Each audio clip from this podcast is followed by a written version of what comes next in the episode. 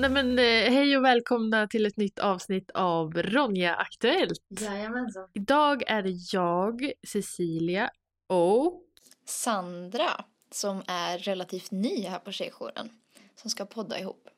så kul att ha med dig idag. Tack så jättemycket, det är jättespännande. Det tycker jag med. Eh, ja men vad ska vi prata om idag? Yes, Um, vi ska prata om lite aktuella händelser i, i media, på sociala medier och um, lite blandat. Både lite forskning men också lite serietips och så. Men vi tänkte väl börja lite grann med förlossningsvården. Men innan dess, vem är du Cecilia? Vad gör du om dagarna? Vem är jag? Det kanske folk vet redan men... Nej det tror jag faktiskt inte. Jag har ju bara varit med i ett avsnitt tidigare. Mm. Eh, och då har jag inte presenterat liksom vad jag gör. Men jag är ju ideell här på Tjejjouren Ronja. Så jag hänger ju här en del. Eh, men annars så har jag precis pluggat klart så jag är folkhälsovetare. Och kommer börja nu på måndag att jobba som fritidsledare. Gud vad roligt. Så kul, jag är jättetaggad. Så det känns ju också lite likt vad jag har jobbat här på Tjejjouren med liksom ungdomar. Eh, så jag ska verkligen ta med mig det här perspektivet att eh, jobba för liksom ett jämställt samhälle och se utifrån tjejers perspektiv Mm. framför allt. Det behövs ju verkligen. Precis. I fritidsverksamhet så Ja. verkar det saknas en del, Mm. hör ju vi tjejer berätta. Exakt. Mm. Eh, ja, så jag ska väl försöka förebygga lite machokulturer. Snyggt. ja. Snyggt. Du då Sandra? Ja, eh, jag är eh, som jag sa relativt ny här. Jag gick nyligen grundutbildningen och eh, jag pluggar till psykolog och är på termin 7 av 10 så jag är nästan, nästan klar. Eh, men fortfarande student och eh, har äntligen börjat eh, engagera mig i tjejjouren sen jag flyttade tillbaka till Västerås. Det känns superroligt. Det känns så bra att ha med dig i vår grupp. Alltså det känns tryggt. Jag tror att du kommer ha mycket att bidra med utifrån liksom psykologperspektivet Jag också. hoppas det. Ja, Mm. Och att det blir en... Eh, eh, att jag kan eh, bidra med någonting samtidigt som jag också lär mig väldigt nytt. För det är också så annorlunda att vara en stödverksamhet. Till skillnad från att vara eh, en behandlande instans snarare som man mer är som psykolog. Mm. Fattar. Men eh, ska vi börja prata lite förlossningsvården? Vad är det som händer? Ja, vad är det som händer? Mm. Eh, det känns ju som att alltså, ändå ganska titt som tätt så kommer upp de här ja, förlossningskriserna. Eh, och de har ju verkligen funnits länge nu. Det känns som att det är inte mycket som händer. Nej. Men du sa på vägen hit att du hade ändå fått en liten ljusglimt av... Jo men precis. Eh, Jag har haft en rätt fullspäckad dag så jag har inte helt hunnit sitta ner och, och, och läsa tidningen. Det gör jag i mobilen men jag har inte hunnit läsa tidningen. Och så på vägen hit så var det väl Ekot och eh, då så hörde jag att det var någon eh, positiv nyhet äntligen i den här eh, tråkiga eh, rapporteringen som vi hör egentligen av barnmorskor som eh, har otroligt dåliga arbetsvillkor och som nu verkligen har sagt ner foten och vi, vi säger upp oss.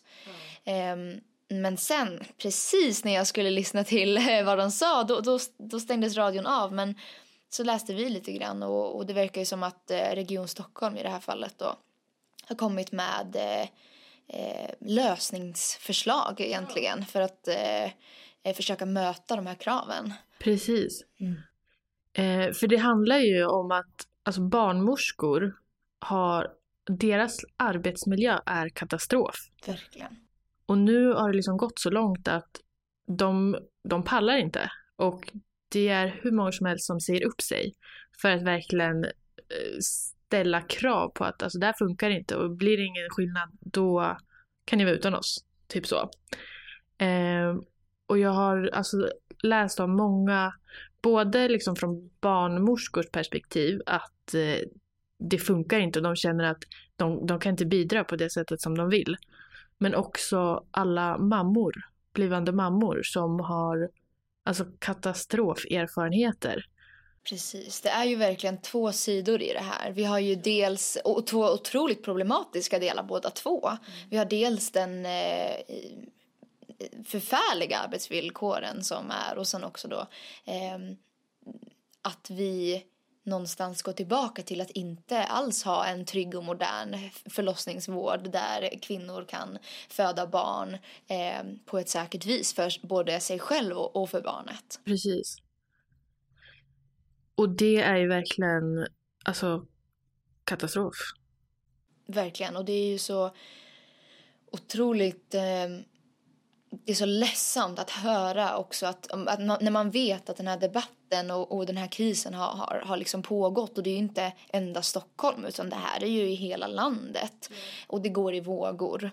Eh, och då att, att vi förväntar oss i, i vården att, eh, och i det här fallet då att barnmorskor ska ställa upp och jobba, slita sönder sig själva både mentalt och fysiskt.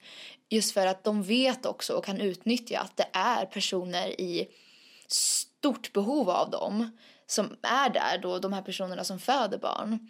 Och att man spelar någonstans också på samvetet hos, hos de här barnmorskorna. Att eh, om du åker hem nu, då är ju ingen här. Mm. Vad händer då? Exakt. Alltså fatta att gå till jobbet och ha den pressen. Och samtidigt liksom vara sönderstressad hela ditt arbetspass. Verkligen. Jag har ju på min praktik träffat eh, eh, kvinnor som jobbar i, i förlossningsvården eh, och har även närstående eh, vars familjemedlemmar gör det och eh, det är så otroligt påfrestande på alla sätt och vis. Och jag menar, eh, även när de inte är på jobbet, och de, man tar ju hem den här stressen. Sover ingenting, får svårt att äta, känner inte att man har tid att ta hand om sig själv all, alls. Och då blir det ju helt plötsligt ännu svårare att klara av jobbet. Så det blir bara en negativ spiral. Oh, jag blir helt så stressad av att försöka sätta mig in i deras situation. Det går ju inte, men Oh, ja, jag lider med alla barnmorskor. Verkligen. Och, och jag måste säga att jag är så otroligt... Det är tråkigt att det behövt, behöver gå så långt att man eh, behöver säga upp sig. Men vad imponerande det är. Och det verkar ju också eh, kunna ge resultat. Eh, precis som liksom, fackliga rörelser och så, att man, man sluter samman. Ja, och, och systerskap! Verkligen, verkligen systerskap. Eh, så det är ju ändå en, en ljusglimt i det. Verkligen. Och nu den här ljusglimten som var på Ekot då, det var ju att eh, det var ju Region Stockholm i det här fallet. Och då var det att de ska försöka i alla fall så att det finns en barnmorska per födande kvinna. Precis, det var ett av deras eh, förslag egentligen som de kommer till för att försöka lösa den här krisen. Vad var det, fem eller sex förslag mm. varav ett. Eh, och, och, och det tänker man ju, det är väl självklart. Verkligen.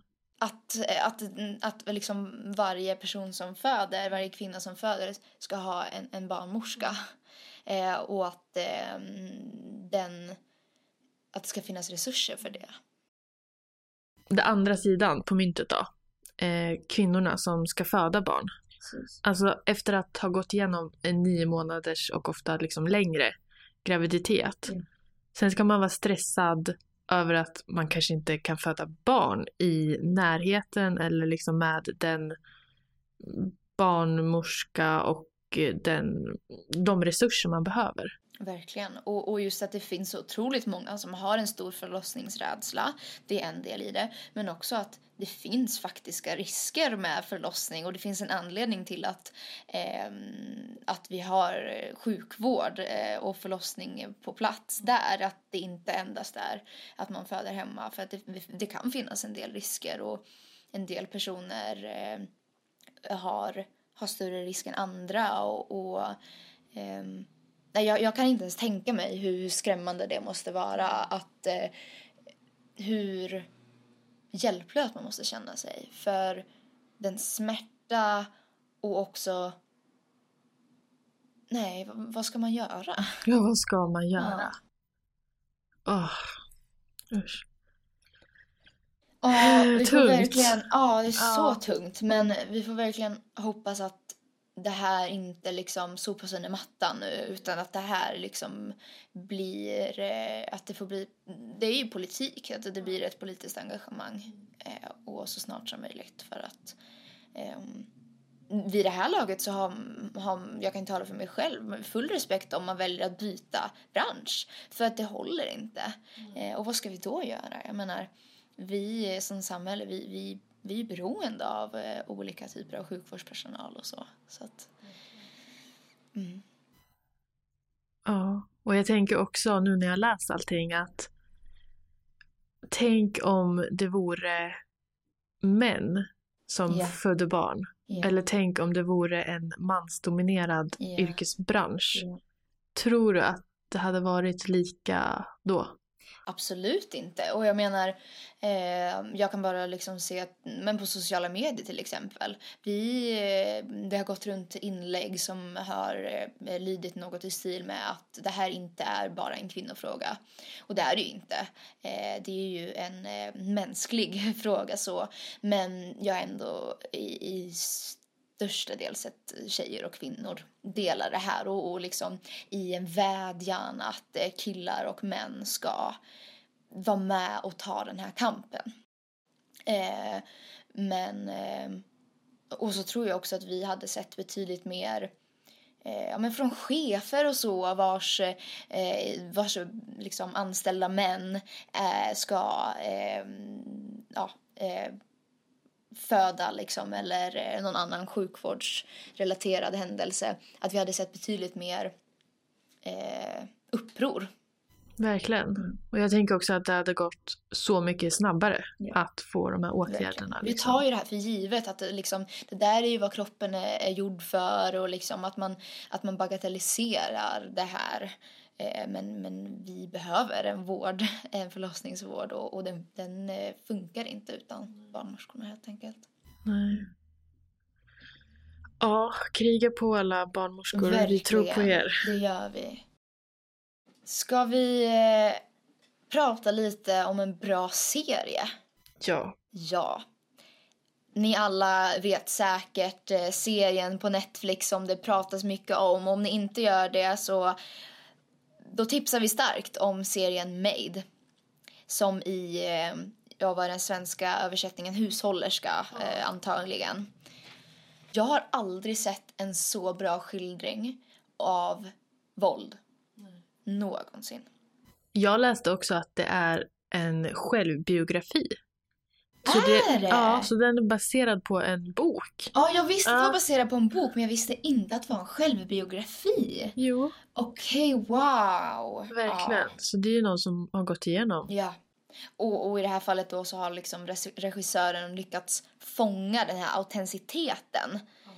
i den här verkligheten som Alex, huvudkaraktären, går igenom. Ja, för det kan man väl ändå vara alltså, ganska enad om att det, den är ju väldigt jobbig på ja, vissa sätt. Och det finns ju säkert många saker som kan trigga. Eh, det är ju liksom våld eh, på massa olika våld. Mm. Fysiskt, psykiskt, sexuellt. Är det? Är det? Jo, men det är nog på något håll. Jag har inte sett klart hela, ja. kan jag ju vara ärlig med. Um, men den är ju så stark också. Verkligen. Verkligen. Jag hade en diskussion med eh, Järva här på, på kvinnojouren i, i helgen. Och det som är så otroligt gripande med den serien är att eh, en, en del i den så vi ska väl kanske varna också att eh, det kan vara spoiler men jag ska försöka hålla mig eh, så, så breda penseldrag som möjligt. Men det finns en liksom period i Alex liv som skildras i den här serien där hon går tillbaka till eh, den mannen som eh, har varit våldsam mot henne på många olika sätt. Och den här serien fångar den här romantiseringen och den här eh, fasaden och på ett sånt sätt som jag blev nästan provocerad när jag var i det för jag började tänka oj, nu börjar jag nästan nu känner jag det hon känner. Jag kunde verkligen känna det här den här idealiserade bilden av honom att, och hoppet om att det kommer bli bra. Mm. Och, och jag som ändå är utanför kunde ändå ta steget tillbaka och tänka då oj vad är det som händer? Men det var så häftigt hur, hur man drogs in i det där för att sedan så kastades allting om helt och, och verkligheten liksom kom, kom tillbaka och, och det är precis det här som händer också att i våldets liksom normaliseringsprocess och, och så att det är inte att man träffar någon och första gången blir slagen och att det endast är våld utan det finns ju de här fina stunderna också. Det är därför det är så svårt också. Det är, det är en del i varför det är så svårt att ta sig därifrån och den här serien var jag har aldrig sett det skildrats på det sättet och man får en sån jag tror att även om man inte har hört så mycket om de processerna tidigare så då, då, kan man få en väldigt bra förståelse för hur det är att leva i det här tror jag. Ja, jag håller verkligen med. Jag tänker allting som jag liksom har sett om den här på tjejjouren men också liksom i min närhet. Eh, det är så himla precis som, så som det är i verkligheten. Ja, men en sak som jag tänkte på mm. eh, det är ja men, ja, utan att spoila då. Det finns en karaktär, jag kommer inte ihåg vad hon heter, men hon arbetar på ett skyddat boende. Mm. Eh, och jag tycker att alltså mycket som hon säger är också så informativt och liksom lärorikt. Hon berättar ju då för Alex om de här om normaliseringsprocessen mm. och hur många gånger man kan gå tillbaka. Verkligen. Och hela den biten. Och jag tycker det är också så alltså hennes roll i den här serien. Jag tycker den är så stark. Hon eh, är otroligt eh, kunskapsingivande, verkligen. Och, och, det var väldigt... Det var också så gripande att se Alex reaktion när det är någon i hennes närhet som går tillbaka. Mm. När, hon, när Alex precis har lämnat den här våldsamma mannen och ser någon annan gå tillbaka. Och den förtvivlan men också chocken över att det här händer. Och det är så viktigt att skildra. Eh, de framställde eh, ett tag det som att eh, man, man fick publiken att tro att hon inte kommer gå tillbaka utan att det här är liksom jag trodde att vid eh, några av de få första avsnitten. Och nu är det över. Så hade, jag, hade det precis bara börjat. Eh, men det är ju också en del i att den är så genuin. Att man känner verkligen att här och nu då är det så här och ingenting kommer kunna rubba det. Och sen helt plötsligt så kastas någonting om. Eh, för att det är så verkligheten är. Att det, det är inte så lätt ja, men varken att lämna eller att inte gå tillbaka. Eh, och, och, det är också nog verkligen någonting som de skildrar bra. Mm. Ja, för det är det också. Att Alex vill ju verkligen, ja, hon försöker påbörja ett helt nytt liv. Ja. Och det skildras ju så otroligt bra att, alltså hur komplext det är. Att det inte bara är att nu ska vi skaffa ett nytt liv. Eh, nu utspelar ju det här sig i USA så det skiljer sig säkert på tusen olika sätt från Sverige. Men det är inte kanske det lättaste. Och speciellt inte liksom i alla de här olika systemen som man kanske fastnar i mm. och inte får den hjälp som man är lovad eller tror. Mm. Och sen har man kanske inte den här, Alex har ju inte den mest liksom stöttande familjen. Mm. Och ja men vad gör det med hela den här processen då? Verkligen. Och Eh, Eh, det finns ju så många delar i det. Mm, väldigt tydligt med Alex är ju bland annat den ekonomiska biten. Att eh, hur ska jag kunna ens ge mat till mitt barn? Hur, hur ska vi ha, ha kläder? Och, eh, och sen det här med, med boende och eh, att lära sig att navigera ett system. Någonting annat som jag tyckte eh, när vi pratar om Alex familj som jag verkligen gillade eh, i den här serien är också eh, vad man brukar kalla för på engelska generational trauma, alltså trauma mm. som går ner i generationer. Vi kan ju se hur Alex växte upp med en eh, pappa eh, i några år, ungefär eh, kanske fem år eller så. En pappa som var eh, våldsam både vad vi vet fysiskt och psykiskt eh, mot hennes mamma. Och mamman har otroligt eh, komplex problematik med eh, psyk psyk psykisk ohälsa. Och eh, hur eh, det här är ett viktigt fenomen ändå att eh, att trauma kan verkligen vandra ner i generationer och, och mönster tenderar att upprepa sig. Och det finns också så fina punkter i den här serien där det någonstans indikerar på att Alex är på väg att bryta det här för sin dotter.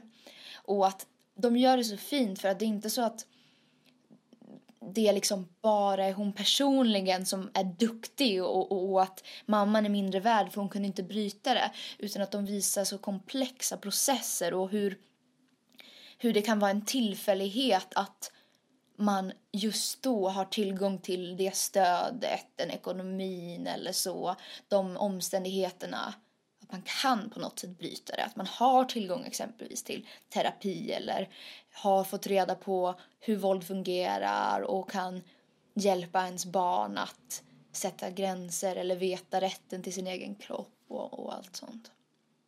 Det, det gillar jag verkligen också med den här. Mm, som sagt, det är en otroligt fin serie som tar upp så många, så många eh, viktiga, tunga delar av att vara människa och att vara kvinna. Mm. Verkligen. Alltså se den, om du inte har sett den, se den Verkligen, nu. verkligen. Om vi inte har lyckats övertyga dig så kan vi säga rakt ut, se den. Se den. Ja, nej men då har vi vårt sista tema kvar. Ja. Och då tänkte vi prata lite om BRÅ som står för typ brott... Brottsförebyggande rådet. Ja, bra där. Eh, de har kommit ut med en ny rapport för några dagar sedan. Precis. En rapport om våld i unga parrelationer. Mm. Som egentligen sammanfattar forskning eh, utifrån ett svenskt perspektiv på hur dels hur våld ser ut i unga parrelationer men också skiljer det sig eller är det likt från eh, våld i, i vuxna relationer? Och vad ska vi göra för att förebygga och ta hand om problemen som redan finns och behandla?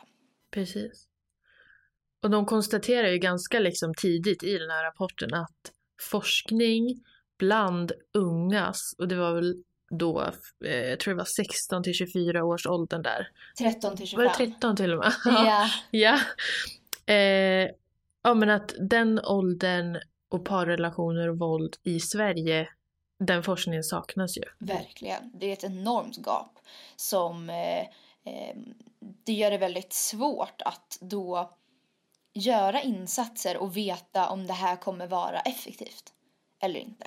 Det blir genast väldigt tafatt i alla försök att göra någonting som också kostar otroligt mycket pengar. Eh, och då vill vi ju gärna att vi ska kunna med stor sannolikhet få ett bra resultat som vi, åt det hållet vi vill åt. Ja, alltså jag tänker också att det blir på ett sätt lite oetiskt att bara testa saker. Jag tänker på alla ungdomar också som bara ska genomlida olika insatser som kanske ger noll. Verkligen. Det är, eh, jag menar, att bygga upp ett sånt här program och, och um, det är ju en väldigt lång process. Och sen det vi ser nu är att det finns program men de har framförallt testats i, i USA som tyvärr är ett problem med all psykologisk forskning och, och liksom psykologi att det är väldigt amerikanskt. Mm. Och vi ser att det har inte alls samma effekter i Sverige som det har i USA. För att det är två helt olika samhällen på många sätt. Det är inte samma sak att vara eh, 14 år i USA som att vara 14 år i Sverige idag. Mm. Och Ehm, ja, men det, det, det, är en så otroligt lång process men också som du säger, det är eh, etiskt. Och det är dels etiskt i att försöka ta fram ett program men också att lägga ner mycket, mycket pengar och sen inte alls veta vad, vad som kommer hända.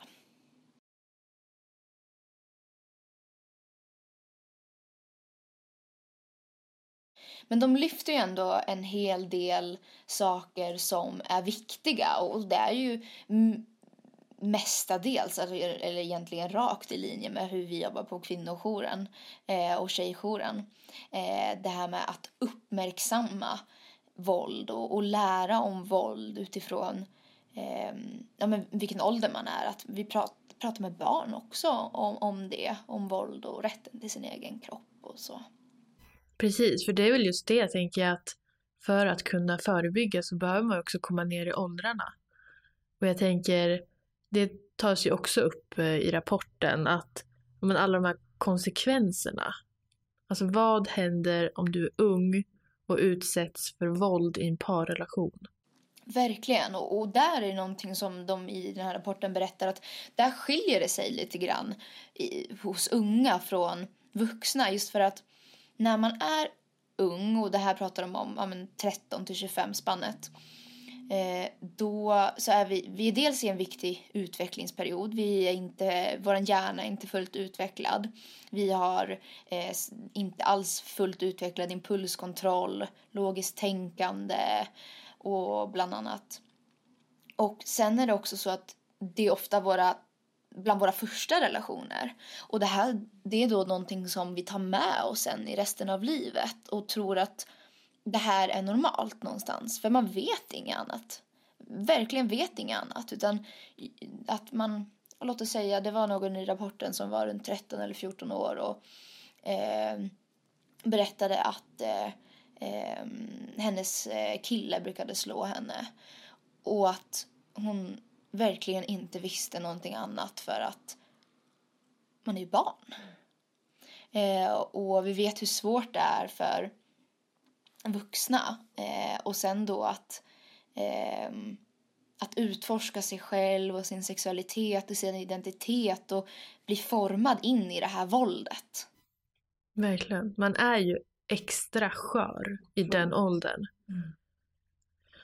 Oh.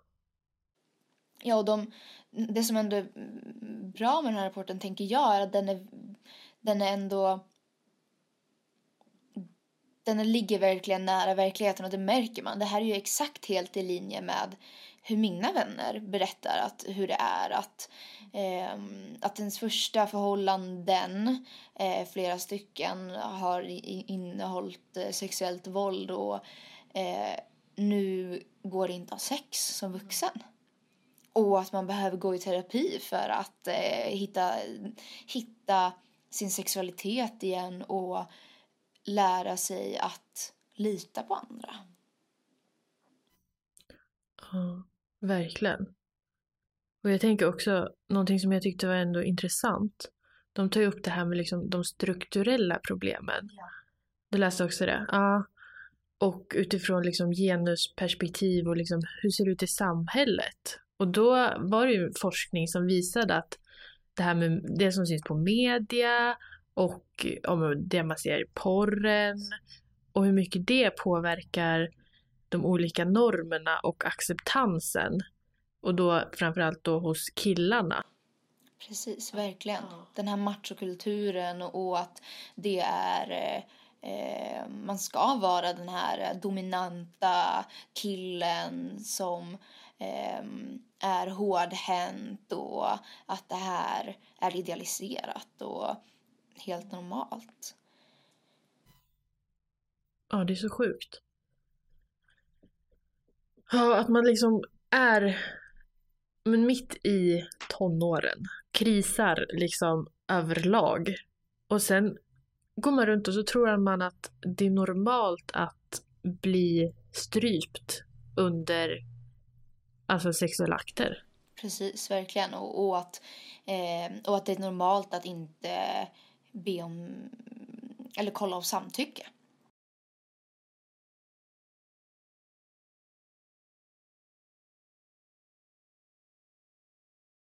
Men nå någonting som är bra, det är som du säger, att de lyfter de här strukturella perspektiven. De lyfter ur olika perspektiv. De pratar dels om individer och, och vad det finns för riskfaktorer. Exempelvis eh, ja, men, psykisk ohälsa, impulskontrollsvårigheter och eh, även eh, det kan vara en riskfaktor att själv ha varit utsatt för våld och så. Eh, men också det här eh, mer strukturella ur ett feministiskt perspektiv och ur genusteorin. Det är en väldigt omfattande rapport ja, som inte är eh, några nyheter, för, för, säkert för någon som ändå har eh, lite koll på, på eh, våld och prevalensen, hur vanligt det är och så. Men ändå viktigt att ha det här i ett officiellt dokument från Brottsförebyggande rådet, en myndighet, eh, som vi kan jobba utifrån, som verkligen klarlägger att men hallå, det finns ju så stora forskningsgap. Det här är ju inte rimligt. Mm. Och så får vi hoppas på att, eh, att det finns, eh, det tillkommer mer pengar till forskning för att kunna verkligen eh, fylla de här gapen. Precis. Och jag tänker också på att våga satsa på det här förebyggande arbetet och inte, ja men vad händer när tjejer och andra liksom eh, blir utsatta i en våldsam relation på olika sätt. Och sen ska man då fokusera på att ja, men, behandla dem eller ge stöd i efterhand. Men att här ser vi, alltså det finns verkligen svart på vitt och det här är ju inte den första rapporten heller. Men det finns svart på vitt vilka riskfaktorer, alltså vad är det som behövs liksom sättas in och vad, vad kan vi göra för att förebygga? Mm. Även om det finns forskningsskap så vet vi ändå vad, lite. Um, ja, det tänker jag. Mm, verkligen. Någonting som jag eh, ändå tyckte var mm, tåls att lyftas i, i det här också är att de eh, skriver att eh, när de pratar om skillnader i både våldets karaktär men också hur ofta det förekommer och vad konsekvensen är för killar och tjejer så, så lyfter de att eh konsekvenserna av det här partnervåldet är större för tjejer än killar. Eh, att de får oftare fysiska skador, behöver oftare mer vård och rapporterar också mer negativa känslomässiga konsekvenser och mer rädsla för sin partner och, och konsekvenserna av våldet. Och den här rädslan för att verkligen allvarligt skadas eller till och med dödas. Mm. Um, och därför är det också viktigt att vi har det här feministiska perspektivet och, och ser till genus och ser till de här könsnormerna och att ja, men det är faktiskt skillnad i, i hur våldet ser ut och vad konsekvenserna blir. Ja, även om det är en rapport och det innebär ju att det är lite så här fyrkantigt. Ja. Så um, är du intresserad så finns den, om du bara googlar på Brå, unga parrelationer, eller våld i ungas parrelationer 2021 typ. Precis. Då kommer den komma upp garanterat. Mm. Um, ja, och vill du prata om din relation eller någon kompis relation eller du undrar någonting om hur relationer bör eller inte bör se ut, då finns ju vi här. Precis. Precis. Och vi har ju, vi hör ju alla typer av problem och, och hela spektrumet av, eh, av våld på alla sätt och vis. Och vi är också beredda på att ta det och, och vi, vi klarar av att lyssna på det och vi vill stötta och, och finnas här eh, som, som medsystrar. Och vi tror på dig. Verkligen, det gör vi. Mm. Bra. Ska vi avrunda då? Ja. Tack så mycket Cecilia ja, för att jag fick komma hit och, och babbla lite grann. Ja, gud, det blev jättelyckat det här. Och hoppas att ni som lyssnar också har fått ut någonting av det här avsnittet. Verkligen, lärt er något nytt eller eh, blivit inspirerade eller bara njutit av att lyssna kanske. Exakt. Eh, och ni kan ju hålla koll på alltså, nästa poddavsnitt eller nästa Ronja aktuella avsnitt. Ni kan följa oss på Instagram, där heter vi ju Tjejjouren Ronja. Och där uppdaterar vi ofta när det händer någonting nytt på andra sociala medier. Så det är väl den säkraste källan skulle jag säga att hålla koll på. Och vi finns som vanligt ett mejl bort eller telefonsamtal. Vi har ju också våra tjejhäng första måndagen i månaden. Där är ni varmt välkomna. Sist blev ju väldigt lyckat, många tjejer som kom. Verkligen, jag var också där, det var så fantastiskt, det var verkligen härligt. Ja. Ja, nej men tack. Ja, vi tackar för oss och ta hand om er. Verkligen. Ha nu det jättebra. Hej då.